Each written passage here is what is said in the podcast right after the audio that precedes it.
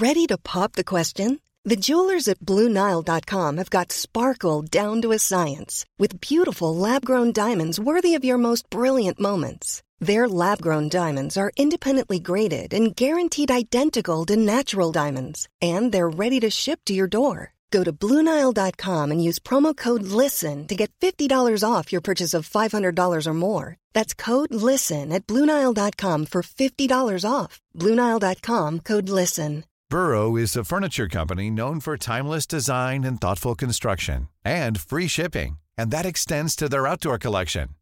Their outdoor furniture is built to withstand the elements, featuring rust-proof stainless steel hardware, weather-ready teak, and quick-dry foam cushions. For Memorial Day, get 15% off your Burrow purchase at burrow.com slash ACAST and up to 25% off outdoor. That's up to 25% off outdoor furniture at burrow.com slash ACAST.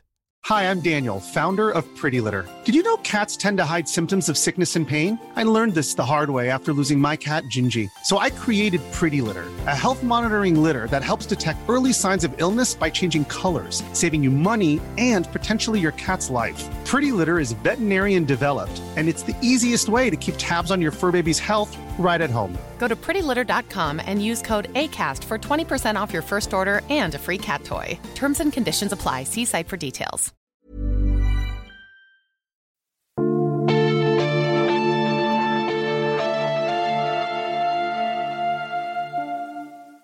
Hej och välkommen till Sagan om Isfolket-podden. Det här är avsnitt 3, Avgrunden. Jag heter Dan och med mig har jag Anna. Hej Anna! Hej Dan! Hej! Hej! Det är sån misärbok det här. Ja, inte illa. Jag måste säga en sak om den här boken. Eller om alla tre böckerna vi har läst egentligen. Alltså jag har läst Isfolket, jag har lajvat Isfolket, jag har varit med i Isfolksföreningar, jag startade Isfolksforumet. Hela mitt vuxna liv har jag tillbringat med Isfolket. Men jag är ändå chockad över hur fantastiskt bra de här böckerna är. Jag är helt tagen. Tack för att du säger så, för jag, visserligen, jag har inte varit lika inne i isfolk som du. Jag har inte startat forum eller så här, men jag har lajvat isfolket och jag har levt med det halva mitt liv. Och jag läser om de här tre första böckerna nu igen och jag har läst om dem många gånger. Och det är som en känslostorm och det är som att, ja men det är inte som att ha en nyförälskelse. Det är fortfarande så jädra bra. Ja, det är helt fantastiskt. Alltså, jag gråtit till varenda bok tror jag. Jag är inte säker på Trollbunden men nu satt jag och snyftade till avgrunden igen. Ja, den var väldigt mycket sorgligare än vad jag mindes den. Ja, och sen just att det bara är en enda bok. Det är bara en bok om sol. Vi kunde haft flera böcker om sol. Ja, vi har isfolkets fucking paradhäxa liksom äntligen utsläppt ur sin, jag vet inte vad hon har varit, sin husarrest man vill säga, som snäll flicka. Nu ska hon ut i världen och så får vi en bok. Nu ska vi inte spoila senare böcker men det kommer två personer. Vi kanske nämner dem när vi kommer fram till dem men de har väsentligt flera böcker. Eh, en av dem har, ja, är, är ledande person i tio böcker. Och de två är betydligt mindre intressanta. Eller det kommer ju förstås jättemånga som är mindre intressanta än Sol. Men ja, de fick jättemycket utrymme. Sol fick bara så här lite. Jag tyckte boken kändes snabbspolad ibland faktiskt. Ja, men det kändes som ibland var så här. Och sen så hoppade vi typ tre, fyra månader fram i tiden. Ja.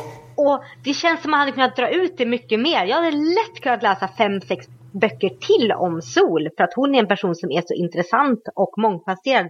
Så att det hade aldrig blivit tråkigt. Ja, hon var mycket djupare än vad jag kommer ihåg också faktiskt. Det, man kommer ihåg den här himlastormande häxan och alla, allt hon gör. Men jag tyckte hon var betydligt djupare som person än vad jag kommer ihåg. Det som jag hade glömt bort fram tills jag läste om boken nu var ju hela hennes känslospektra. Och alla iakttagelserna hon gör av världen runt omkring sig men hur, hur hon upplever sig själv som utsatt i den här världen. Hon är ju väldigt underligt drabbad faktiskt. Det finns ingen annan som är drabbad på det här sättet. Hon är ju mera utanför världen. Ja men precis, de flesta drabbade liksom är ju, om vi ser på Teng exempel som har bestämt sig att nej men jag ska vara, jag ska gå den goda vägen, jag kämpar mot det det är jobbigt men jag är ändå så inställd på att jag ska vara god. Mm. Och Sol är mera mittemellan på något sätt. Ja men precis, hon är liksom god fast ond fast, alltså jag måste säga att hon hör ju, hon faller ju nog på det onda sidan väldigt många gånger. Särskilt med liksom sitt lilla dödande och folk hon tycker är i vägen. Ja fast hon är aldrig särskilt ond mot någon som inte förtjänar det. Hon har liksom sitt eget rättssystem. I rollspelstermer skulle jag säga att hon är chaot Ja, chaotic good nästan skulle jag nog säga. Ja, precis. För hon bryr sig inte om regler och lag som skapar dem själv. Mer chaotic än good kanske. Ska vi ge oss in i boken? Ja, det gör vi. Annars kan vi prata om sol i flera timmar tror jag. Ja, och vi, ska prata om, vi kommer ju prata om sol nu, vi pratar om boken nu ändå. Ja, i flera timmar förmodligen. Ja, men Sol är äntligen fri! Jättebra början där. Alltså, hela texten där är så överpoetisk. Ja, men det är så, det är så storslaget och fantastiskt när hon springer i den här skogen och känner jorden under fötterna och vinden i träden som spelar någon slags för mig blir det en storslagen orgelkör som firar att hon äntligen får komma ut i världen. Det är fantastiskt. Och det skulle man kunna argumentera nästan att hon aldrig riktigt får i boken. Hon, möjligtvis när hon är på väg till häxorna då, men annars så är hon hela tiden jagad eller driven av någonting och får aldrig agera särskilt fritt. Nej men precis, och även när hon är, eh, ja, när hon är på ställen hon inte jagad på så följer hon liksom en, den tidens sociala roll som förväntas av henne. Och då spelar hon ju bara en roll som snäll flicka. Och är ju inte sig själv. Exakt. Men vi, vad hände på hennes första äventyr då? Ja, hennes första äventyr. Hon är på väg, hon är på väg nu ut i stora världen. Hon ska till Danmark för att träffa sin lillebror Dag som studerar. Ja, snyggt tidshopp här. Mycket snyggt tidshopp. Ett av de bättre. Mm, hon har varit, eh, ska vi se, hon har varit snäll flicka nu i fem år, så hon är 20 när hon äntligen får ge sig ut. Och eh, när hon kommer till Danmark så, eh, ja, sol är ju sol. Och ja, hon är ju chaotic good så att när hon kommer in till då Dags familj som han bor hos där och liksom hyr ett rum av. Dag måste ju ha varit ganska orolig. Eh, ja, som Dag som vet om att hans syster faktiskt är en häxa, har magiska krafter. Vet också om att mannen han bor hos är Danmarks högsta domare som har dömt massa häxor döden. Ganska riskabelt arrangemang. Mycket riskabelt arrangemang. Jag hade inte lagt henne där. Jag hade sagt att hon fick bo någon annanstans. Men med det, han vet om detta.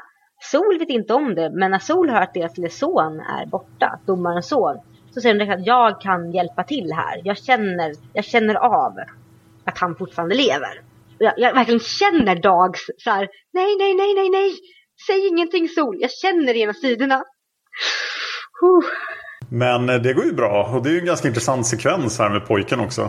Jag, eh, jag är väldigt imponerad liksom, när jag läste om det här hur, hur snyggt det är uppbyggt liksom både hela den här liksom när de letar efter pojken men också liksom när Sol känner, jag vet inte vad man ska säga det, hennes intuition som förstärks för att hon faktiskt känner av känslointryck på platser hon har varit, liksom som när pojken har varit på, känner av liksom att jag, jag ser och känner vart han är men jag vet inte exakt var. Hon har ju vansinnigt många förmågor. Ja, vilket är väldigt intressant för om man ser på Tengel, som är den vi har att jämföra med av drabbade, så har ju han väldigt specifikt sina helande händer. Ja, och sen, han var absolut inte synsk, eller hur? Han kunde känna av liksom, magiska störningar.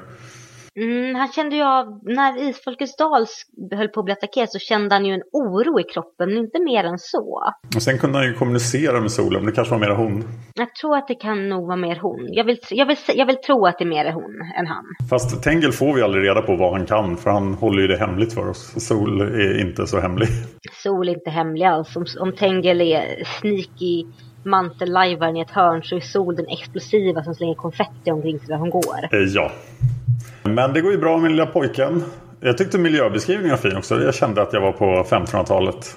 Väldigt bra. Där får jag säga att det var otroligt bra research av Margit Yvonne. Just där beskriver när de är inne på boktryckeriet till exempel tryckpressen och allting, hur det liksom hur doftar. Jag har, och jag har aldrig varit på ett tryckeri.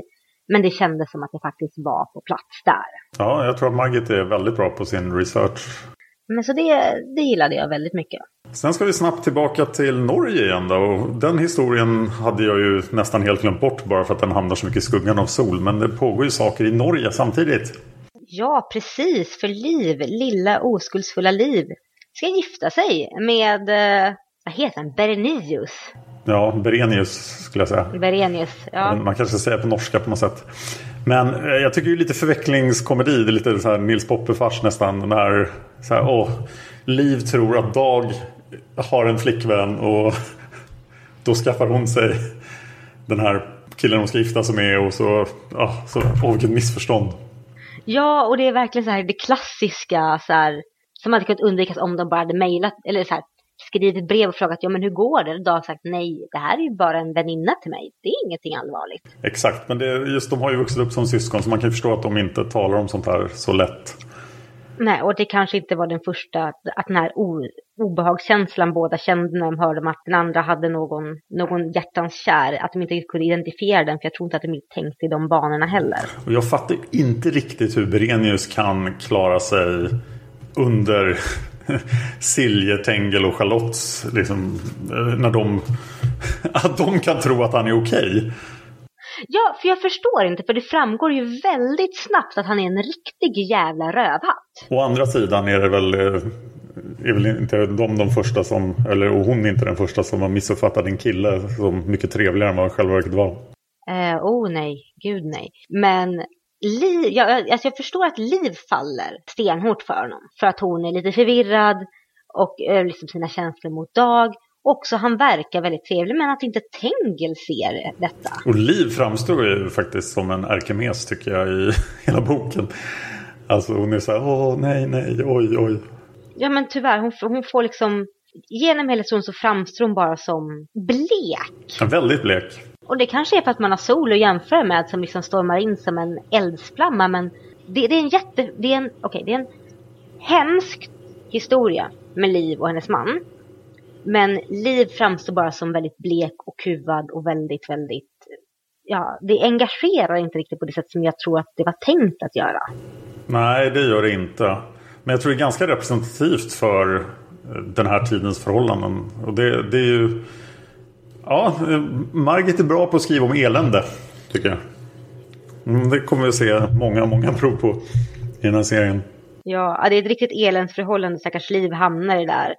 Ensam och övergiven och skild från sin familj och den här jävla stolpskottet som inte vill ens kontakta dem. Och så förstås en elak svärmor också som fejkar sjukdomar och är bara jobbig. Ja, det kändes lite over the top. Men liksom så här, du har en elak man som hindrar dig från allting, som förtrycker dig som person, som misshandlar dig. Och du har en elak svärmor också. Jag kände att ah! Jag tyckte Berenius var en intressantare karaktär än hans mamma. För hon var som kyrkovaktmästaren och helt igenom rutten. Vi måste revidera en siffra. Fick jag höra av Sol själv här. Eh, vi hade hennes kill count på sju från förra boken. Men Eh, någonstans här i boken så säger hon att hon bara dödade en unge i Isfolkets dal. Medan hon i förra boken sa att hon dödade några, lät det som. Ja, oj då. Men då reviderar vi det. Så hon påstår att hon bara dödat fem. Hmm. Så att vi fem med option på sex skulle jag säga. Ja, då reviderar vi det. Så tillbaka till eh, Köpenhamn och se om hon dödar några fler. Ja, men då vill jag revidera igen. Oj! För att eh, jag kom på en sak. Att hon, det, hon säger faktiskt uttryckligen att hon, hon hade dödat några när hon varit Tengels sjukhjälpreda. Lite så här bagatellmässigt för att hon skulle slippa lida. Just det. Men de hade väl räknat? Nej, nej, de kom nu, eller hur? De visste inte om förra gången. Så vi reviderar från sju till sex och sen är några, så vi lägger på tre så vi är uppe i... Eh... Nio. Soul Kill Count står på nio. Japp, och vi har inte ens börjat med Danmark. Nej, nu i Danmark. Mm. Sol vill ju mer, mest av allt hitta, hon vill hitta likasinnade, hon vill hitta häxor, hon vill hitta häxmästare, hon vill ut i världen och leva. Ja. Och det känns ju som att, så här, att hon borde ju inse att när man snubblar över ett esoteriskt sällskap i rikemanskretsar så kanske inte det är rätt grej. Men jag förstår att hon blir lite nyfiken. Ja, hon måste ju undersöka saken. Mm. Som den gode Preben inblandad i. Preben. Preben. Ja, och det borde hon ju också inse liksom att när, när han säger liksom det, att hon inte kan ha minsta lilla ma magiska förmåga från honom så borde hon kanske inte att ja, det kanske inte är så mycket, men värt att undersöka. Och det kanske kunde varit ett sällskap som sysslar med äkta magi eller bara ett sällskap som kanske var pulverhäxor. Men tyvärr, absolut inte. Det här verkar livsfarligt att uh, syssla med i, om det är så mycket häxförföljelser. Ja, men precis. Men de kanske tänker att de kommer undan med det för de är rika. Ja, men så, om någon granskar dem så är det ingen som tror att, inte ens inkvisitionen kommer tro att de kan någonting. de är för dåliga för inkvisitionen. så Sol blir väldigt besviken då. Och sen upptäcker hon att uh, den här killen som leder allting, han är bara en dubbel S. Och vad är en dubbel S? En snuskig sektledare. Och här tycker jag vi får också ett otroligt intressant inpass för att vi har sett Sol, att, vi vet ju sedan tidigare böcker att Sol är jätteduktig på alltså mediciner, gifter, allt sånt där. Men här, nu får vi verkligen se att hon kan den här riktiga, äkta, eller den här, vad ska man säga, filmmagin. Jag menar hon delar på sig så att, hennes, så att hon står på två ställen samtidigt. Ja, hon är jättemäktig. Ja, det är helt sanslöst coolt! Det här, det här klassar ju ut liksom allting vi har sett Tengel göra, allting vi har sett Hanna göra överlägset. Tankekontroll rankar ganska högt på magiskalan. Oh ja! Och att få sin själ att flytta utanför kroppen och få andra att se den själen som en separat person, det är rätt hardcore. Undrar om Hanna lärde henne bemästra det här eller om hon bara improviserar och lär sig saker eh, on the fly. Jag skulle gissa att Hanna kanske berättat att man kan göra så här och sen har Sol listat ut det själv. Hon är ju faktiskt väldigt mäktig även jämfört med drabbade som kommer senare. Just att hon är så himla mångsidig. Ja, jag tänkte på den läste om boken nu också. Hon är, jag skulle säga att hon, hon är liksom, hon framhålls ju väldigt mycket som isfolkets paradhäxa. Men jag hade glömt att hon var så här cool. Ja, när jag tänker på det då tänker jag mer på hennes attityd än på hennes krafter. Men hon är jättemångsidig. Men så hon är där och hon krossar hela esotoriska sällskapets illusioner om att de överhuvudtaget skulle kunna besitta minsta lilla gnutta magi. Ja, det framgår ju ganska tydligt. Och sen borde ju allting vara frid och fröjd i Danmark, men nej.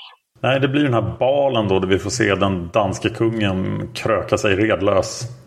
Mm, gud. Det måste ha varit en fantastisk bal. Ja, undrar om han gjorde det hela tiden. Det är säkert historiskt korrekt att han gjorde det. Jag tror att det är historiskt korrekt. Om inte annat så är det väldigt danskt. Ja, säg inte det. Det fanns ju svenska kungar som äh, åt ihjäl sig och sådär. Så att ja, just det. Det, det var, var, nog ett problem med att vara kung. Det är nog kanske väldigt kungeligt att supa sig redlös och, och eh, äta sig död.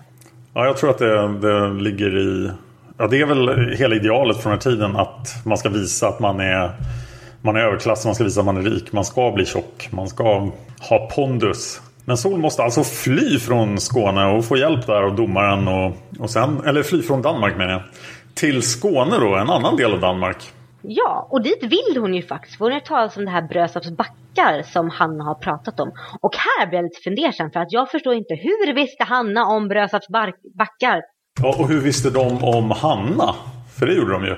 Precis. Det är så här, Okej, hade det här varit i nutiden och han aldrig gått ut så hade jag förstått det. För då hade de kunnat hitta henne på Facebook eller sociala medier eller någonting. Men jag tror jag, tror jag har en förklaring faktiskt. Okej. Jag tror att Även om det kanske inte är så värst troligt att någon av Hannas förfäder heller begav sig till Brösarps backar så tror jag det är möjligt att eh, häxor har kommit till isfolket. Eftersom de känner ju till isfolket så det har skett någon form av utbyte. Ja men såklart, det är så det måste ha varit. Så det är min, mitt förslag på räddning här. Ja men det är en jättebra, det är en jättebra teori. Jag tror på den också. För att vi vet ju att Hanna aldrig lämnade dalen. Men det hindrar inte att folk har besökt henne i dalen. Och kunnat bege sig ut eftersom de inte är isfolksdrabbade. Då måste jag inflika Brösarps backar. Om ni har sett eh, Bröderna Lejonhjärta så är delar av den filmen inspelad vid Brösarps backar. Så att det ser ut ungefär som ja, Körsbärsdalen. Tror jag var. Ja, Körsbärsdalen är i Brösarps backar. Det är väldigt vackert. Så. Ja, jättefint. Ja, hon måste ju ha skydd här för att man kan inte resa runt ensam i Skåne. Nej, särskilt inte om man är en ung vän eh, kvinna på den här tiden. Kan absolut inte resa själv som får sällskap av kungens två tappra dragoner. Och det är Jakob Skille och... Jörgen va? Jörgen ja, unge Jörgen. Som tycker att, eh, ja, Jörgen tycker att det är en stilig kvinna vi fått med oss här. Men han är så ung så att han är ju inte så mycket att ha. Och Jakob Skillesson tycker det här är jättejobbigt att vi fått med sig en kvinna. Usch. Usch. Och det är, det är bara jobbigt och besvärligt. Kvinnfolk ska inte ut. Nej, hur ska de klara sig ensamma i världen? Men det är liksom så här, det funkar ändå fint. Sol får ju över dem på sin sida väldigt snabbt. Ja, det får hon. Och sen blir det ultravåld. Och här slår alltså Sol ihjäl två personer med en sten. Det var ingen magi där. Det var ingen magi, alltså det var väldigt handfast, väldigt hårt. Så Sols killcount går upp till 11. Ett fotbollslag har hon haft ihjäl nu. Och hon räddar också livet på Jörgen. Ja, men han blir skadad. Ja, och får söka skydd på en bondgård. Så det blir Sol och Jakob Skille som rider vidare tillsammans. Bokstavligt talat, för de hookar ju upp. Ja, vi måste också inflika att Jörgen ju faktiskt finner kärleken på den här gården. Det tyckte jag var lite fint. Ja, det var fint. Särskilt som hade, han hade sin idealkvinna han dyrkade men som inte ens han vågade kyssa för att hon var så kysk och eh, ren. Men nu hittade han en redig bondmora som kunde visa var skåpet skulle stå. ja, och jag tycker det är fint. Man ska inte gå och placera någon pedestal. Det blir aldrig bra. Nej, jag tyckte det var vackert. If you're looking for plump lips that last, you need to know about Juvederm lip fillers. With Juvederm Volbella XC and Juvederm Ultra XC, your lip look, whether it's subtle or bold, can last up to one full year with optimal treatment and no additional maintenance. Find a licensed specialist and see if it's right for you at Juvederm.com today. That's J U V E D E R M.com. Add fullness to lips in adults over 21 with Juvederm Volbella XC or Juvederm Ultra XC. Do not use if you have severe allergies or a history of severe allergic reactions, or if you're allergic to lidocaine or the proteins used in Juvederm. Tell your doctor if you have a history of scarring or taking medicines that decrease the body's immune response or that can prolong bleeding. Common side effects include injection site redness, swelling, pain, tenderness, firmness, lumps, bumps, bruising, discoloration, or itching. As with all fillers, there's a rare risk of unintentional injection into a blood vessel, which can cause vision abnormalities, blindness, stroke, temporary scabs, or scarring. For full important safety information, visit juvederm.com. Burrow is a furniture company known for timeless design and thoughtful construction and free shipping, and that extends to their outdoor collection. Their outdoor furniture is built to withstand the elements, featuring rust-proof stainless steel hardware, weather-ready teak, and quick-dry foam cushions. For Memorial Day, get 15% off your Burrow purchase at burrow.com slash ACAST and up to 25% off outdoor. That's up to 25% off outdoor furniture at burrow.com slash ACAST. Hi, I'm Daniel, founder of Pretty Litter. Cats and cat owners deserve better than any old-fashioned litter. That's why I teamed up with scientists and veterinarians to create Pretty Litter. Its innovative crystal formula has superior odor control and weighs up to 80% less than clay litter. Pretty Litter even monitors health by changing colors to help detect early signs of potential illness. It's the world's smartest kitty litter. Go to prettylitter.com and use code ACAST for 20% off your first order and a free cat toy. Terms and conditions apply. See site for details. Vad tyckte du om eh, Sol och Jakobs Skille-romansen då? Alltså, på ett sätt tycker jag det är lite fint. Om man tänker på det. Sol hade sin, jag vill inte säga romans, hon låg med Klaus när hon var 14. Och hon har jättegärna velat hitta en auktoritär man med pondus. Hon vill ha något som river. Jakob Skille är en äldre man med pondus, auktoritet, mycket bestämd man. Så på ett sätt tycker jag att ja, det är lite fint. Det är Sols typ. Å andra sidan så märkte jag när jag läste boken, jag har väldigt svårt för att Skille hela tiden ska placera Sol någon slags Åh nej, du kan inte ta hand om dig själv, jag måste beskydda dig. För att vem som helst som umgås eller tittar på Sol ser att den här människan inte behöver bli beskyddad. Hon dräpte precis två män. Jag tycker att det är ganska roligt att Tengel verkligen inte tycker att hon borde beskyddas. Eller att hon behöver beskyddas. Att han, ja, hon klarar sig. Ja men faktiskt, det är så här, ja, men hon, hon, kommer alltid ner på fötterna lite grann som en katt. Så att, jag tycker på ett sätt att det är fint att Sol faktiskt hittar någon och får sig en slags romans. Och Jakob Skiller, en, en ärlig och fin man, men jag har väldigt svårt för hans överbeskyddande av henne. För jag tycker att det inte passar in. Och det tvingar ju igen Sol att vara någon hon inte är. Det är sant. Jag tycker det är ganska roligt att han blir helt besatt av Ja, just det. Den lilla detaljen. Ja, men det kommer senare. Ja. Men de hookar upp och tar det trevligt. Sen så tycker så att hon ska bege sig till Brösarps backar själv. Hur går han med på det egentligen? Jag vet inte riktigt. Jag tror hon bara sa att jag ska hitåt, vi möts här borta. Just det, han, just det. Han skulle vidare till Glimmingehus och hon hade redan sagt när de åkte över att hon skulle ett ärende. Just det. Och, så, och sen hade hon använt lite successiv övertalning, hypnos för att få honom att tycka att det här var faktiskt en bra idé att vi släpper iväg henne själv mitt i Skåne. Ja, jag tror att han var ganska chanslös där så att hon sticker iväg. Och nu blev det jättemisär för nu träffar Sol Meta. Ja, Meta. Stackars Meta. Hon är, hon är också Margit Sandemo misär. Ja, det är så mycket misär. Vilken hemsk scen. Helt fruktansvärt. Ja, den är jättehemsk. Jag hade glömt hur hemskt den var. Jag läste den och blev alldeles chockad. Jag bara, men herregud. Hon är 13. Ja, 13. Föräldralös. Ja, hennes mamma ligger död i deras hem så hon kan inte vara där. Nej precis, hon har ingen hon kan be och hennes mamma har legat död jättelänge. Och när Sol hittar henne så blir hon våldtagen av ett gäng knäktar och det är, det är bara jättehemskt. Hon borde ha dödat alla dem tycker jag. Ja, det förstår jag liksom inte men hon körde på det här. Hon inser väl kanske att de är lite för många för att hon ska kunna ha ihjäl dem. Det skulle ju kunna liksom leda till följder också om man har ihjäl ett, en hel pluton med knäktar. Ja, det är typiskt sådana människor som kommer bli saknade och man kommer göra en efterlysning av vem är det som har dräpt de här. Ja, men nu vet hon ju att de inte kommer att prata om det där alls. Eh, nej. Jag gillar det. Här märkte vi igen att Sol är väldigt mångsidig och otroligt duktig på trolleri. Verkligen. Men stackars lilla Meta. Det är sån otrolig misär här. Ja, och sen ja, men stanna här ett tag. Jag ska bara åka iväg lite. Så att, sitt här och var miserabel så kommer jag tillbaka sen. Ja men precis. Och det är igen det här med att Sol är så här. Sol är ju god på ett sätt. Hon, liksom, hon tar ju hand om flickan, skrubbar rent henne allting, hjälper, okej okay, hon hjälper inte henne begrava sin mor men i alla fall typ river huset så att morden inte behöver ligga lik. Instant burial. Och, så, och hon säger liksom att jag kommer tillbaka. Men sitt här du i några dagar i ödemarken och vänta på mig.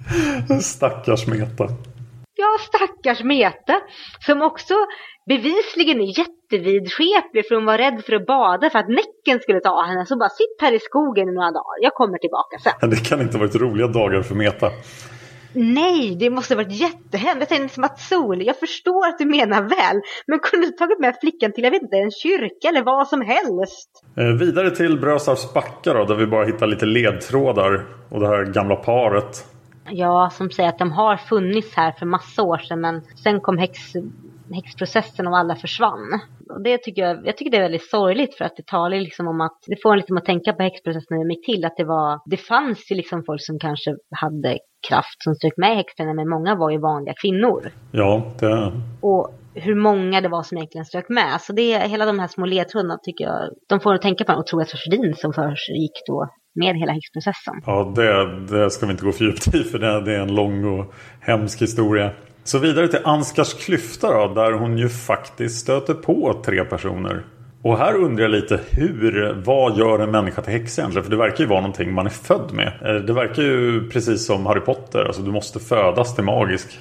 Ja men precis, jag tror så här att vem som helst kan ju lära sig örtmedicin och växtmagi, liksom hur man blandar gifter, hur man gör, ja, hur man kokar hela brygder.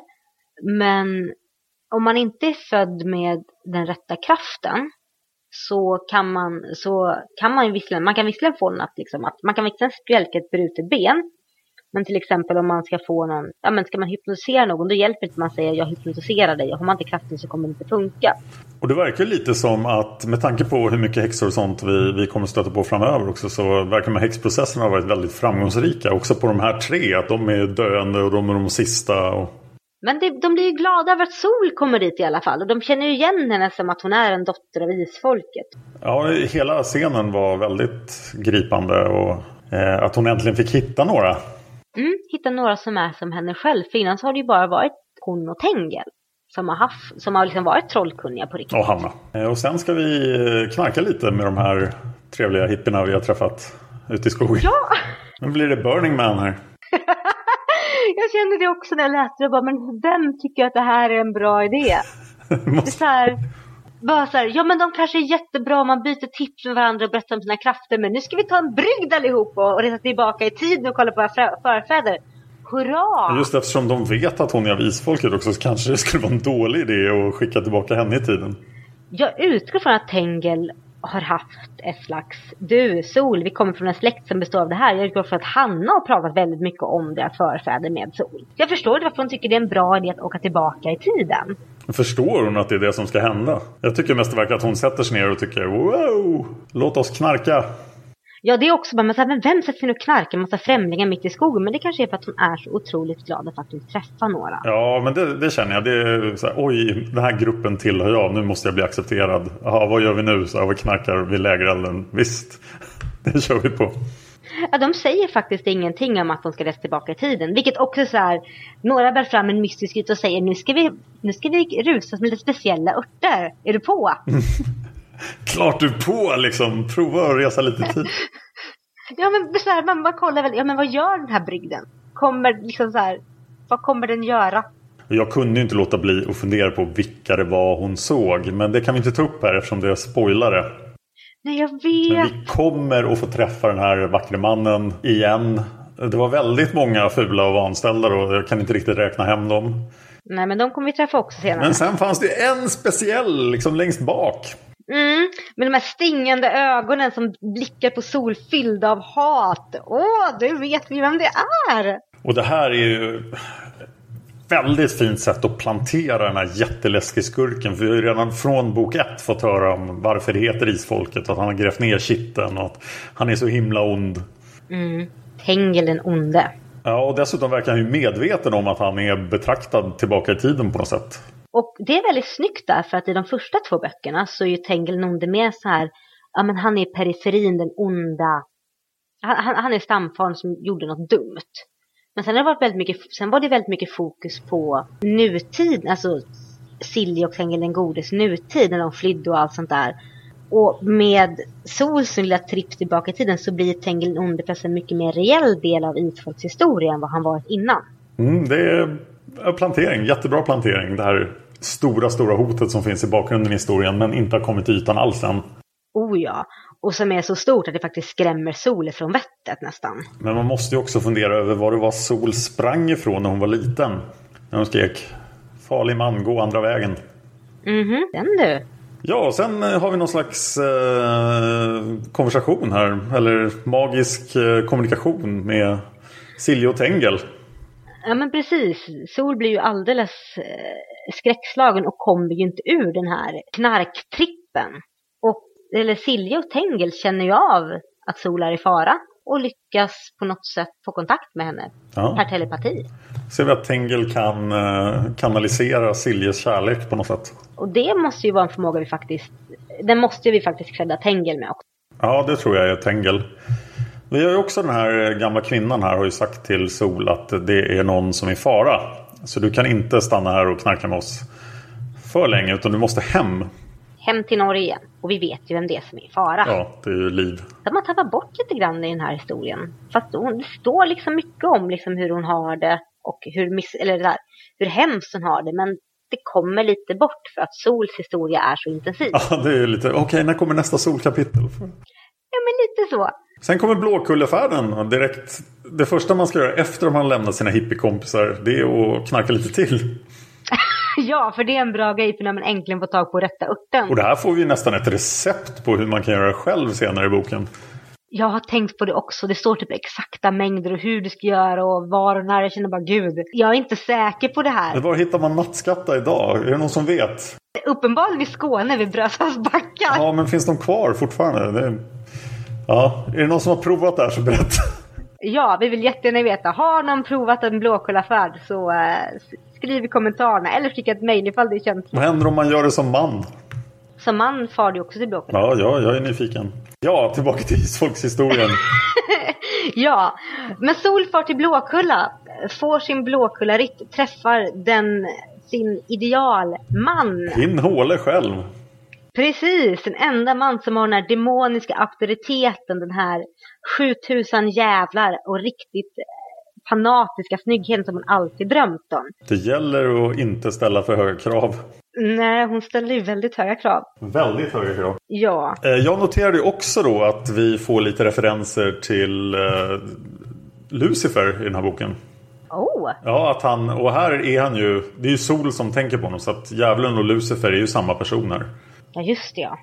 Vilket är intressant att observera. Mycket intressant, den får vi behålla oss med till eh, framtiden. Ja, Men som sagt, det är lite intressant där, för det har vi inte pratat om så mycket. Just att Sol känner ju till det liksom när hon hade sin, eller har haft sin lilla romans med Jakob Skille som fortfarande är pågående, så känner liksom att ja, han är trevlig och bra, men hon känner att hon inte kan ankra an till någon man. nej hon passar inte in i världen. Nej. Hon, hon tycker de är ointressanta, hon kan inte känna för dem så starkt som de verkar känna för henne. Så hon, för Sol är det en fråga om, om hon någonsin kan älska någon. Men i och med sin blåkulla så inser hon att ja, men det finns ju faktiskt en man som är allt jag vill ha och lite till. Ja, hon måste ha en ganska vag uppfattning om, om Satan. Alltså, hon har väl bara hört... Hon har väl inte studerat särskilt mycket bibel själv. Och hon har bara 1500-tals krockuppfattning om... Men hon är helt såld. Ja, precis. Så att eh, Blåkullaritten, det gör Sol jättelycklig. Och efter det så är hon verkligen så här att men, det här är ju kanon och perfekt. Så när hon möter stackars Jakob Skille efter det här så är ju han rätt blek. Ja, och sen har vi Meta som sexsabotör också. Det tyckte jag var lite roligt. Åh, gå inte ifrån mig. Och Jakob bara, men jag vill bara få ligga för i helvete. Och Meta bara, nej, ingen tycker om mig längre. Ja, nu ska jag gå iväg. Ja, alltså jag förstår ju Meta, det är inte lätt alltså. Jätt, så här, våldtagen, moderdöd, lämnade skogen några dagar, upphämtad av sol. Eh, Jakob letar från sexblockar. Jag förstår att hon kanske vill därifrån, men Jakob har i alla fall lite vett nog att be om ursäkt och säga att ja, men det är inte du. Det är jag. Jag är glad att Meta träffade isfolket i alla fall här och får komma till eh, Gråstensholm och få bli en del av det hela. Ja, jag tycker väldigt mycket om Meta. Hon är väldigt fin. Jakob Skille lämnar dem där, eller hur? Ja, precis. Han måste ju tillbaka till, ja, han måste ju tillbaka till Danmark ja. och rapportera till konungen. Precis, på sitt viktiga uppdrag. Undrar vad han gjorde i Glimmingehus? Jag vet inte, han ska väl hämta något brev eller något sånt där fånigt. Ja, det lät tråkigt. Eh, så till Oslo. Och så in med Meta någonstans så vi får henne ur vägen igen. Sitt här och tänk på dina trauman. ja, var här på värdshuset, lås om det, gör ingenting. Och Sol beger sig till Liv, för hon har ju fått rapporter från, Sol, från Tengel och eh, Silja att Liv är gift. Det var ett fint bröllop, men hon hör aldrig av sig, hon vill aldrig träffa dem, hon bjuder aldrig in dem. Så hon tycker ju att det här är lite konstigt, inte riktigt likt min lilla syster. Ja, vänta nu, vet Sol om det? Ja, Sol, fick, Sol vet ju om att Liv är gift. Ja, det vet hon. Tengel och Silja har ju skrivit brev och det står, det står att de, de säger inte rakt ut men Sol kan läsa mellan raderna att de är lite förvånade över att Liv inte har bjudit in dem eller kommit hem efter bröllopet. Ja just det, men hon blir ganska överraskad när hon väl träffar Liv. För hon klampar ju bara in där och tycker ah, vad du ser blek ut. Ja precis, och Liv bryter ju ihop. Stackars liten. Och så tänker Sol, jag har inte dödat någon på flera sidor. Här måste jag göra någonting åt. Ja, och hon tänker nu jävlar Liv, nu dödar din man. Och Liv bara nej, inte min man. Fan också, tycker Sol. Och tar död på Livs svärmor istället. Det är en jätteavancerad plan. För att vara Sol så är den otroligt snygg, den är otroligt elaborerad och den kan inte spåras tillbaka till Liv på något sätt. Nej, den var superavancerad. Och Dag använder ju också till Norge och får ju också reda på direkt vad som hänt med Liv för att Sol skvallrar och säger att du, Dag, vår syster är gift med en hustruplågare som håller på att slå ihjäl henne. Det här är askast. Eh, just det, de åker till Lindalen efter att svärmodern har blivit mördad. Ja, de åker in. Liv stannar kvar i Oslo dock för att hennes man lever ju fortfarande. Men Sol och Meta och Dag åker hem till Lindalen. Mm, ett kärt återseende.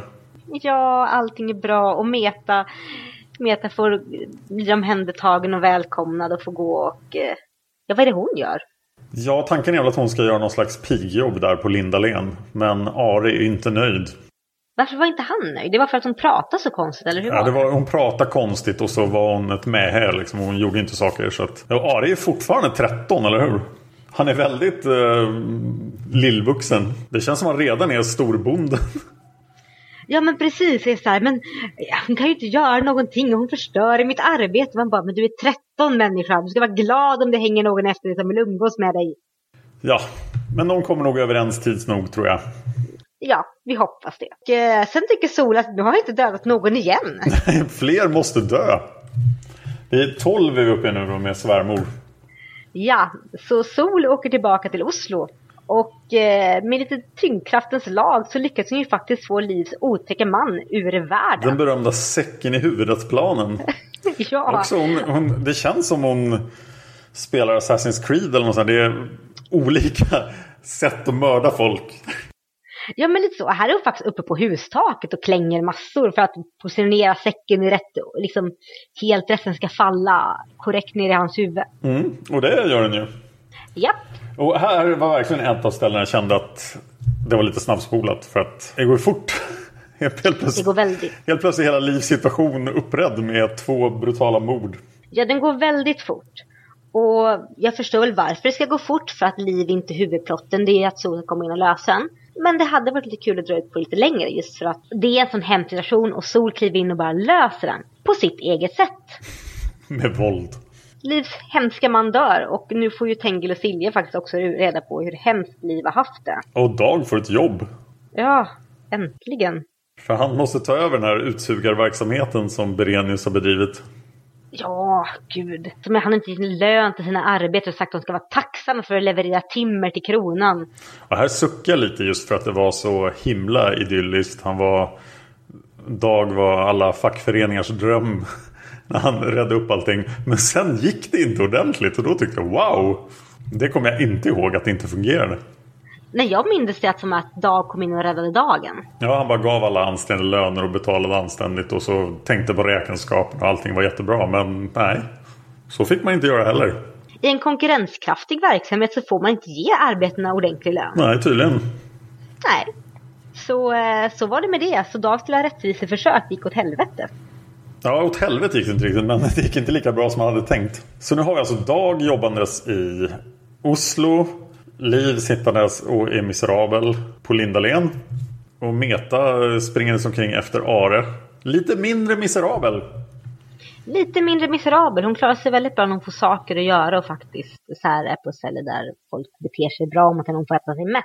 En sak som faktiskt störde mig här i boken just att vi får se så himla lite av Tengil och Silje. De är bara eh, de är bara med när de har med sol att göra. Ja, och det är lite synd för de är ju fortfarande Alltså de är fortfarande unga personer mitt uppe i livet. Jag menar Silja har sin mål, måleriverksamhet, Tengil har sin läkarverksamhet. De är fortfarande aktiva. Ja, men de, de blir väldigt mycket bipersoner här. Ja, och det är lite synd. Så att det, känns, det, är också liksom, det bidrar också till känslan av att det blir lite snabbspolat. Hade man dragit ut på det längre över fler veckor så hade de ju fått mer plats. Ja, jag gillade referensen till Mäster Arngrim dock och att Berenius tyckte att det var Mäster Arngrim var duktig. Samt som man inte tyckte att hans egen hustru skulle måla för att det var ju inte ett kvinnojobb. Stackars liv. Nu kommer Jakob Skille tillbaka! Wow! Ja! Stocka! Han vill göra en ärbar kvinna av sol. Ja. Gifta sig med henne. Jag fattar det. Det dyker ditt ex upp och säger ja, ah, jag har eh, sagt upp mig mitt jobb så för jag tänkte komma hit och trakassera dig hela tiden. Alltså jag förstår att Sol får en smula panik och säger i helvete heller. Det här var inte vår överenskommelse. Nej, det var inte vår överenskommelse. Vad gör du här? Hur tänker du nu? Min familj vet inte om hur jag har levt. Det här är en känslig historia. Kan du snälla lugna ner dig? Men sen får du sin lösning när han plötsligt faller för Charlotte istället. Ja, och det är jättefint. Det är jättegulligt. Ja, det tycker jag är lite mer så här. Jag har alltid haft en väldigt, väldigt sval punkt för Charlotte liksom. Som, som tvingas lämna bort, som tvingas sätta ut sitt barn på grund av omvärldens press. Som sedan fick stå upp som ensam moder och ändå liksom, av, liksom beskrivs som en väldigt oskön kvinna, alltså till utseende. Och plötsligt nu hittar kärleken. Jag tycker om hennes ljusa ögonblick också när hon manipulerar societeten och ja. eh, har sina fingrar med överallt. Styr upp prästen och ja. Hon är rådig. Mycket rådig kvinna. Men jag tycker det är en väldigt fin kärlekshistoria. Det tycker jag också. Det är riktigt trevligt. Men sen kom vi in i slutspelet här. Och nu är det många turer och det går väldigt fort. Ja, det är det här som det blir väldigt, det blir väldigt snabbspolat. Vi har liksom att, vi har att Liv och Dag börjar liksom flytta närmare varandra. De börjar så här lite grann få ett hum om vad de känner för varandra. Eh, och mitt i allt detta så hittar Sol sin perfekte man, inte på Blåkulla, utan faktiskt på riktigt i Norge. Satan själv har stigit ner på jorden, men eh, han hade någonting annat för sig så att hon försvann igen. Ja, men som såg världens snyggaste man och som pratade med henne. Tyckte, hon tyckte att ja, det här, nu vet jag att han faktiskt finns. För hon var ju rätt nere efter Jakob Skilde också. Även fast hon inte älskade honom så kände sig igen som att hon såg utanför hela världen. Ja. Och i Oslo så går det ju inte så bra där. Hon, för hon reser in till Oslo, det går inte jättebra. Hon trollar på öppen gata. Och hon är otroligt oförsiktig. Ja, och jag förstår inte varför det. För hon har alltid lärt sig, gjort sig så mån om att vara försiktig innan dess. Så här häxar hon kläderna av en kvinna på ett marknadstorg. Mm, väldigt diskret. Otroligt, åker in direkt. Vilket inte är så konstigt. Och, men där träffar hon sin första erövring. Ja, och hon är fortfarande så här, uh, bara, oh, hon verkar inte bry sig så mycket om att hon ska brännas på bål. Nej, hon verkar väldigt likgiltig. Hon är mer, alltså hon ser så här, inte likgiltig, mer så här, äh, vad ska de göra egentligen? Ja, vad kan de göra? Satan är med mig. ungefär så. Men eh, Satan kommer inte utan istället så är det Klaus som eh, hjälper henne att fly. Klaus! Vilken kille! Ja, vilken kille som också är helt besatt av henne. På det här lite fåniga sättet. Ja, det var det roligaste han någonsin har varit med om. Ja, faktiskt. Och Sol tycker med att ja, men du är väl trevlig och snäll och hjälper mig att fly. Men hon är inte kär i honom alls. Nej, och det är väl mest hon som hjälper sig själv att fly. I och för sig, hade han varit någon annan så hade det kanske blivit svårare. För hon lyckas ju faktiskt bara bli av med den andra killen. Ja men precis. Och ja, hon, sen bor ju, det här är också så här som känns lite hastat. De, liksom, de bor ihop. Ja, det är en jättekonstig sekvens. Där de, de plötsligt lever ja, torparliv på något sätt.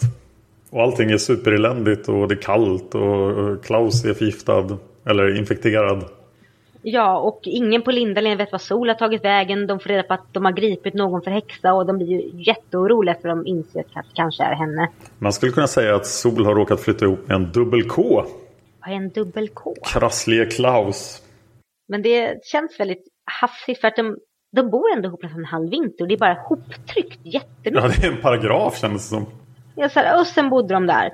Och sen när Klas blir liksom sjuk så tar ju hon med sig honom och måste bege sig därifrån. För de bor i någon fjällstuga högst uppe. Ja, hans gamla hem. Plassen. Ja. Där han växte upp. Klaus och Meta är så otroligt miserabla personer. Ja, ja verkligen. Ja. Och så ner och slädfärd och allt möjligt. Ja, och de träffar böden också. Ja, den sekvensen. Den känns bara konstig. Den tänkte jag att du skulle ha en massa synpunkter på. Mm. Vi börjar med det faktum att de tar in oss den här böden som för att hjälpa Klaus och böden tycker ja visst ni kan sova här. Sen så vaknar solplatten flera gånger och tar sex med henne. Och jag tycker väl inte det är helt okej. Nej, det kändes inte helt okej när man läste det. Nej, och jag hade glömt bort den här sekvensen för jag bara, men Sol hade Klaus, hade hon Jakob, uh, vem var det med? Sen var det väl inte så mycket. Och sen så bara, gud böden, han har sex med typ när hon sover. Och visst, och Sol säger att ja, men hon brydde sig inte, men jag bara, det är, det är jävligt skumt. Ja, det känns inte okej. Det känns också när jag tänkte, efter jag hade slutat vara arg över det här, så tänkte jag på det en vända till och insåg att, ja men hade Sol varit lika glödande energisk som var i början av boken så hade hon ju trollat honom till en råtta. Ja. Nu orkar hon inte ens bry sig för hon är så likgiltig. ja, det är ju helt fruktansvärt. Ja, och det är fruktansvärt på många nivåer. Både för liksom att det blir, det, det, det är våldtäkt, det kan vi inte komma ifrån. Men också för att det är så stor person, det tyder på att Sol ändras så mycket för att hon känner, liksom hennes känsla av att inte hör till den här världen har blivit så stor att hon faktiskt inte bryr sig om vad som händer. Det är ju skrämmande. Stod det att bönen lallade omkring med sin huva på sig alltid? Så läste det att han, när de stötte på honom så hade han huvan på sig. Ja men det har han väl alltid. Han tar väl inte av sig den? Men hemma, det, det verkar som att han gick omkring alltid med den. Ja men jag tror det. Okej. Det står att han behöll alltid huvan på. Ja, det måste ju vara väldigt ohygieniskt. Ja, äh, usch, usch. När vet han att han ska klippa håret? Det måste vara otroligt uppväxt.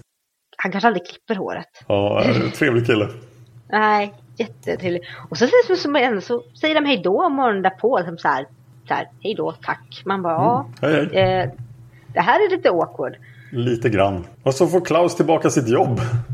Ja, han får tillbaka sitt jobb. Det som han fick spark, eller ja, han fick inte sparken. Han flyttades ju från Gråstensholm och Lindalen för att de ville inte att Sol och Klaus skulle vara för nära för de anade att det skulle hända någonting där. Men det var ju redan för sent när de flyttade på Klaus. Så det, han kunde inte vara kvar där. Det var ett ganska dåligt arrangemang också. Vi, vi skickar bort den här drängen och till något annat ställe där han blir piskad. Precis, piskad till att han får ett blodförgiftning och håller på att dö av det. Mm, det verkar inte som att de fattar jättebra beslut alltid. Nej, jag tror, att, jag tror att de lider av det här att de tror att alla är snälla. Mm, så kan Vilket de, inte borde, Definitivt. ja, vilket de inte borde göra i och med att Tengel borde veta bättre. Han har ju varit förföljd för häxkonster halva livet. Lätt. Så nu är alltså planen att ge sig av igen Ja, och hitta svedjefinnarna. precis. Som lever någonstans i Sverige. För Svedje, ja, på gränsen. De har kommit in i Norge, eller hur? De finns ju där, finns ju där i Finnskogarna. Det är ett ganska stort område. Och de är tydligen trollkunniga och några av dem. Och de kanske är de sista magikerna. Mm, och de lever ju så pass avskilt att inkvisitionen inte kommer dit. Nej, inkvisitionen tycker det är jättejobbigt att åka ut i Finnskogen. Och så är det bara, ja ah, det är inkvisitionen som kommer, då gömmer vi oss bakom träden. Så bara, ha! Ja men precis. Och varför skulle inkvisitionen vilja gå ut i en barrskog och leta folk? De har nog att göra i städerna. Så här, Oj, den här skogen brinner för de håller på att svedja den. Vi måste nog gå härifrån. Ja, precis, bara inte rätt tillfälle. Nej, vi följer någon i Oslo istället. Ja, det händer väl lite saker på Lindalen och Gråsensholmar. Ja just det, Dag och Liv gifter sig. Ja, de hittar till, de hittar till varandra till slut.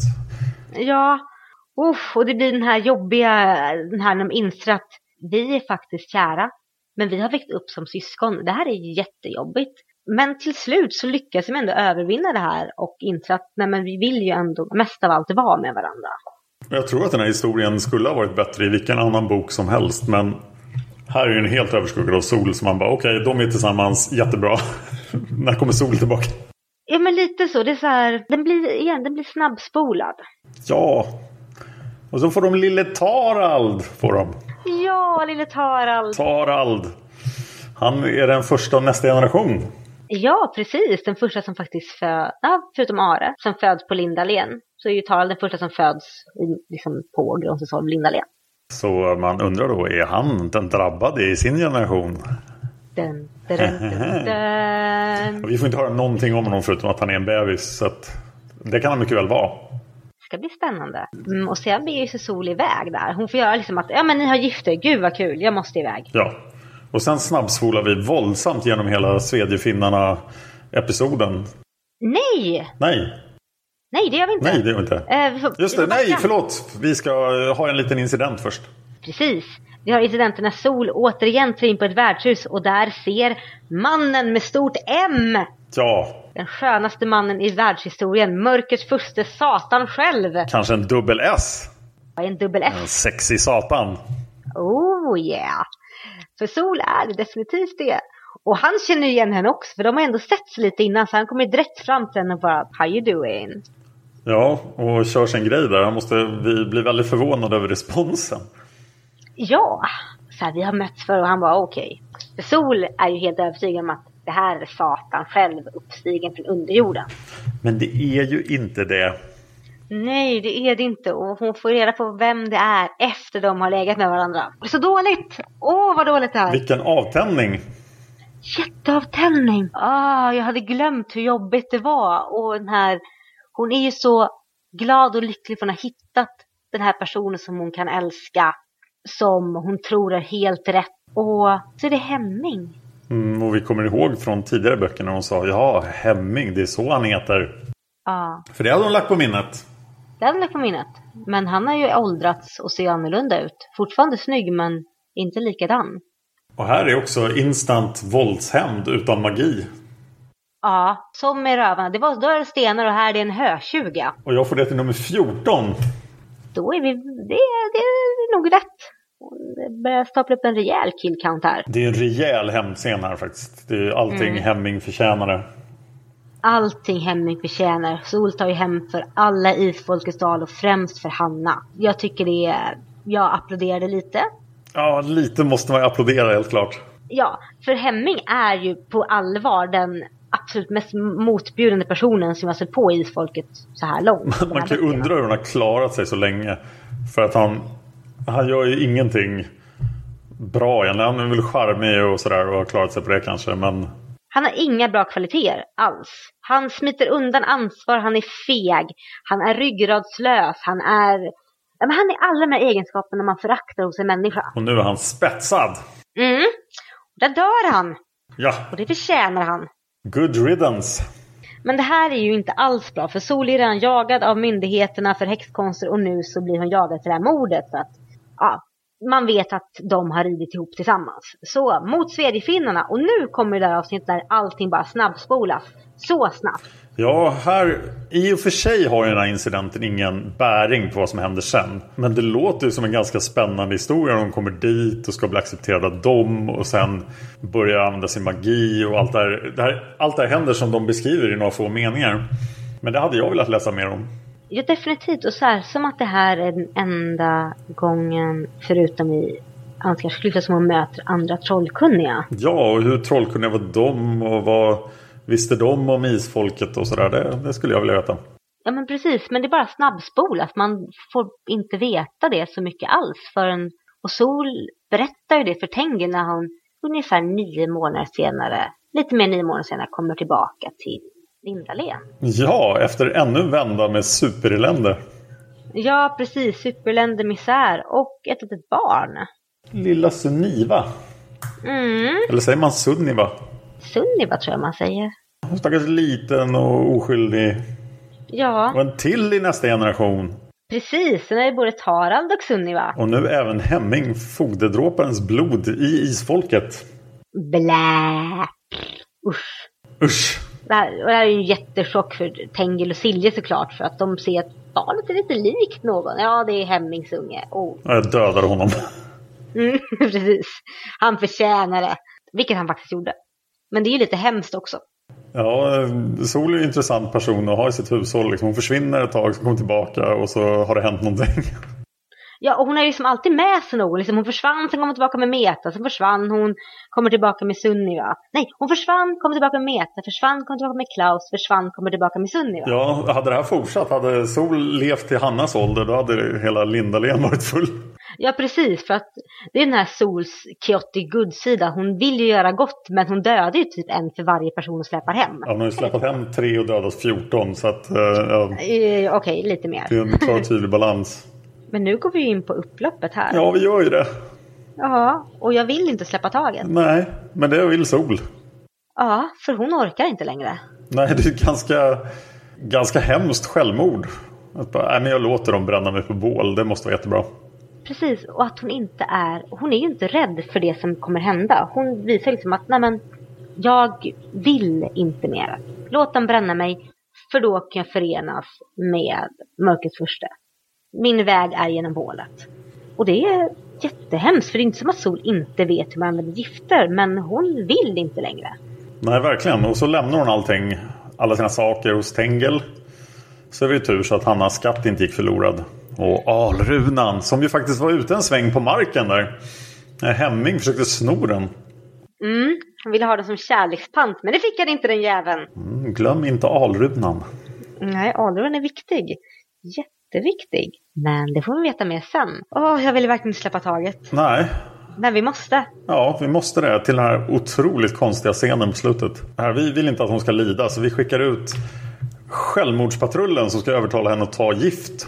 Mm. Och när inte det funkar så har vi spetsat hennes vin och kakor med gift. Tänk, tänk om när Aro Meta smög fram där. Så bara, ah, så här, åh, kakor! typ, vi, det här var jobbigt. Vi, så här, vi tar en kaka var så, så vi kommer på bättre humör. Ja men precis, men de, Tengil måste ju ha sagt till dem att det var spetsat. Nej, det tror jag inte han gjorde. För Tengel är ju en giftmördare, konstigt nog. Ja, han är ju det. Men åh, det är så jobbigt för att jag har läst den här boken så många gånger under årens lopp. Och jag hoppas alltid att någonting ska, jag vet inte, att någonting ska ändras i slutet. Eller att jag bara ska, ja, att det bara ska ske något mirakel. Ibland orkar jag inte ens läsa de sidorna för jag tycker det är lite för jobbigt. Om det hade slutat med att Sol kom undan här, då skulle vi ha behövt bok eh, 3B, 3C, 3D. Innan vi kommer fram till längtan. Ja, och jag hade varit helt okej med det. Det kanske är dags att skriva dem. Ja, så här, vad händer ifall Sol faktiskt hade klarat sig undan? Men vi får ju inte det. Vi får den här jobbiga scenen där hon drömmer sitt livs vackraste kärleksdröm. Ja, jag tycker att om man nu nödvändigtvis måste dö så är det här ett ganska gemytligt sätt att lämna världen. Oh ja, alltså på riktigt. Dö i en sexdröm tycker jag, det, det hade jag varit helt okej med. Ja, de måste ju hitta henne med ett stort leende på läpparna. Ja men faktiskt. Men det är ju så hemskt. Ja, det är fruktansvärt sorgligt. Vilket slut! Ja, och här får vi också reda på vad som händer med träden som Tengil besvärjde. Åh, när trädet rasar. Ja, och att de vet att det är slut. Ja, det här är flamman som brann för hårt och snabbt. Och allting är över. Allting är över och hon blev, hon blev inte så gammal. Nej, hon blev väl 20. Eller 21 då kanske. Och det här har gjort otroligt mycket intryck på folk som har läst Isfolket. Den här boken är en som man garanterat kommer ihåg. Vi har ju den här pågående omröstningen på forumet där ni kan gå in och rösta på alla böckerna. Jag sammanställde för ett eller två år sedan vad eh, ställningen var. Men jag kommer göra det när vi har gått igenom hela sagan också. Så att gå in och rösta på forumet. Ni hittar länken dit i eh, show notes här då. Men jag tänkte säga att Avgrunden är framröstad då hittills som den fjärde bästa boken i hela sagan. Och det är som sagt många som tycker det är den bästa boken. Trollbunden är nummer fem och Häxjakten är nummer sju. Så att de här tre böckerna vi har sett hittills då är bland topp 10 böckerna allihop. Och eh, vi har nog på oss fram till bok nio innan det kommer en riktig slamkrypare. Och sen också det som du nämnde i förra avsnittet om så är ju karaktären Solen den mest populära i folket alla kategorier. Flest forumanvändare på forumet genom tiderna har ju haft någonting just med sol, sol av grunden, sol av isfolket, sol Angelica. Och det, det är inte bara kvinnor jag har intryck på men jag tror att det av vad jag har sett när jag varit i så verkar det otroligt många tjejer som verkligen tar väldigt djupt intryck av det här. Och att det kanske bor en sol inom oss alla. Ja, men jag tror det som är så fascinerande med Sol som jag kände när jag läste om det var hennes enorma kärlek till sina närmaste. Hennes totala osjälviskhet och hennes himlastormande ja, men hela hennes personlighet som bara var mer och allting. Ja, det var den. Just den här kärleken till sina egna är väl ett genomgående tema genom hela serien i princip. Men det manifesteras ju väldigt väl i Sol. Vi, har några, vi ställde några frågor inför den här Eh, inför det här avsnittet. Och vi varierade oss lite och ställde några andra frågor än vad vi brukar göra. Så frågorna vi ställde var Vad tycker du om avgrunden? Vilket är bokens bästa ögonblick? Vilken är din favoritkaraktär och varför? Och om du hade fått ändra något i boken, vad hade det varit? Och det första svaret vi fick var från Ray Husak. Det är alltså han som skriver, eller han som eh, tecknar den tecknade serien Isfolket. Som då är precis på väg att komma ut. Det är inte lång tid kvar nu. Eh, vill du läsa? Avgrunden är boken som fick mig att vilja göra den som tecknad serie. Det är en av de bästa för att det är Sols egen bok. Boken är sorgsen och slutet är så dystert men ändå fint på ett sätt. Bästa ögonblicket är utan tvekan då hon avslöjar vem hon är för Hemming och dödar honom. Och sitter sedan iskallt framför honom och ser livet lämna honom. Naturligtvis är det jättebra att hon tar livet av Bernius också. Favoritkaraktären är ju naturligtvis Sol. Hon är favoritkaraktären i alla böckerna. I och med att vi fick göra böckerna i serieform så har vi haft möjlighet att ändra på vissa saker om vi velat. Och det har vi egentligen inte gjort. Vi förstärkte Berniers elakhet mot liv och vi förstärkte också hans stöd och en liten förändring i hur Sol tog livet av honom av berättartekniska skäl. Spännande! Jättespännande, jag ser jättemycket fram emot att läsa det här. Oh. Och sista, då, sista frågan var ju om du hade fått ändra något i boken då. Och då säger Ray Husak så här att om jag däremot hade ändra på något i böckerna, typ att jag skrivit dem själv, så hade Sol levt vidare och inte dött, utan hon hade blivit gammal, minst hundra år. En oerhört stark karaktär och det är som sagt denna boks förtjänst vi fick den tecknade serieversionen Isfolket. Den skulle bara göras. Ray är en Sol-fan, helt klart. Och vi har ju sett redan nu på Hanna att eh, de drabbade häxorna i Isfolket de kan bli riktigt, riktigt gamla. Och det kommer att dyka upp spännande karaktärer som eh, kommer att lyckas överleva till gammal ålder också. Och det, det, tycker jag är fantastiskt att man får följa en av de här häxorna i ett långt liv också. Som kontrast till det här. Eh, nästa svar kom från Paladin. Paladin? Paladin? Det namnet måste jag lära mig hur man uttalar inför kommande böcker. V vad säger du? Paladin säger Paladin. jag. Ja, vi säger Paladin. Hon säger Jag älskar avgrunden. Den får en att uppleva spänning, glädje, ilska och sorg. Nog den första gången i serien så här långt när det händer något riktigt, riktigt sorgligt så att den fortsätter vara berörd efter att man har lagt ifrån sig boken. Jag pratar om när Sol dör såklart. Faktiskt tycker jag bokens bästa ögonblick är de allra första sidorna när de springer genom skogen och bara får vara fri, fri, fri. Det håller jag nog med om. En väldigt vacker beskrivning av en känsla som man lätt kan föreställa sig. Andra speciella scener är hennes första Blåkullafärd och när de träffar Hemming. Favoritkaraktären är Sol. Jag tror ingen svarar något annat och hon säger kan man svara något annat? Hon har ju allt. Humor, styrka, en livsglädje så stor att den knappt får plats i kroppen. Grymhet, kärleksfullhet och magi. Denna människa alltså! Ja. Åh. Ja, det finns en scen som jag tycker är så onödig. Den var så onödig så vi inte pratar om den. Det handlar typ om att Silja har börjat äta lite mycket kakor och Sol ger henne en pik för det. Silja skäms och slutar äta och så blir hon inte överviktig. Och så skrivs det något i stil med Så det var ju bara bra egentligen. Ja, för lite fatshaming har alltid varit en väldigt bra grej. Jag vill ha det här. Nej. Jag tänker mig att Margit typ vill symbolisera att Sol kunde vara hård mot sina kära när det behövdes. Men jag tycker att det visas bättre i flera andra scener. Det är egentligen den enda scenen jag vill ta bort. Annars tycker jag boken är fulländad. Jag är helt med på Paladins spår om den scenen som var onödig. Jag tycker att det, det framgår väldigt mycket tydligare i andra scener att Sol kan vara väldigt hård mot sina nära när det behövs. Och det var den enda karaktärsutveckling vi fick för Silje i den här boken. Hon har blivit lite rund. Ja, och så är hon kärleksfull, men det visste vi redan. Ja, men precis. Nu finns det mera kärleksfullhet av henne tydligen. Hi, I'm Daniel, founder of Pretty Litter. Cats and cat owners deserve better than any old-fashioned litter. That's why I teamed up with scientists and veterinarians to create Pretty Litter. Its innovative crystal formula has superior odor control and weighs up to 80% less than clay litter. Pretty Litter even monitors health by changing colors to help detect early signs of potential illness. It's the world's smartest kitty litter. Go to prettylitter.com and use code ACAST for 20% off your first order and a free cat toy. Terms and conditions apply. See site for details. Hey, it's Paige DeSorbo from Giggly Squad. High quality fashion without the price tag? Say hello to Quince. I'm snagging high end essentials like cozy cashmere sweaters, sleek leather jackets, fine jewelry, and so much more. With Quince being 50 to 80% less than similar brands. And they partner with factories that prioritize safe, ethical, and responsible manufacturing. I love that. Luxury quality within reach. Go to quince.com slash style to get free shipping and 365 day returns on your next order. Quince.com slash style. Nu är det dags för dig att instant översätta lite norska. För nästa svar kommer Ja. till Silje Arngrims datter. Precis. Jag tycker den här boken är bra, men jag tycker både Trollbunden och Häktakt är lite bättre. Ett av de ögonblick jag tycker allra bäst om är när Sol besöker Ansgars klyfta och får dricka häxbrygden som gör att hon ser sina förfäder bakåt i tiden. Här får vi den första antydningen om att isfolket kommer, har kommit vandrande långt österifrån. Ja, det fick vi faktiskt. Så då spoilar vi ingenting. För isfolket har kommit vandrande långt österifrån. Precis. Och hon skriver också när Sol får problem med drömsynerna, det vill säga hon blir vettskrämd av att se Tengil den onde, så får hon hjälp av Tengil den gode och Silje, som räddar all sin kärlek och omsorg. Och jag tycker det är så fint.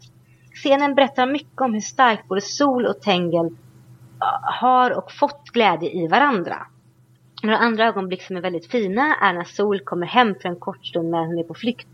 Och speciellt de små samtalen mellan henne och Tengil. Där måste jag inflika den här scenen, det sista Sol säger till sig själv. Den är lite intressant. Hon bara, nu vet jag varför Tengil den onde var så arg på mig. Ja, precis. Och sen får man inte reda på någonting mer. Nej, fundera på den ni. Okej, fortsätt. Ja. Favoritkaraktär då? Silje är den största favoriten. Någon annan än Sol. Ha! Ja, woho!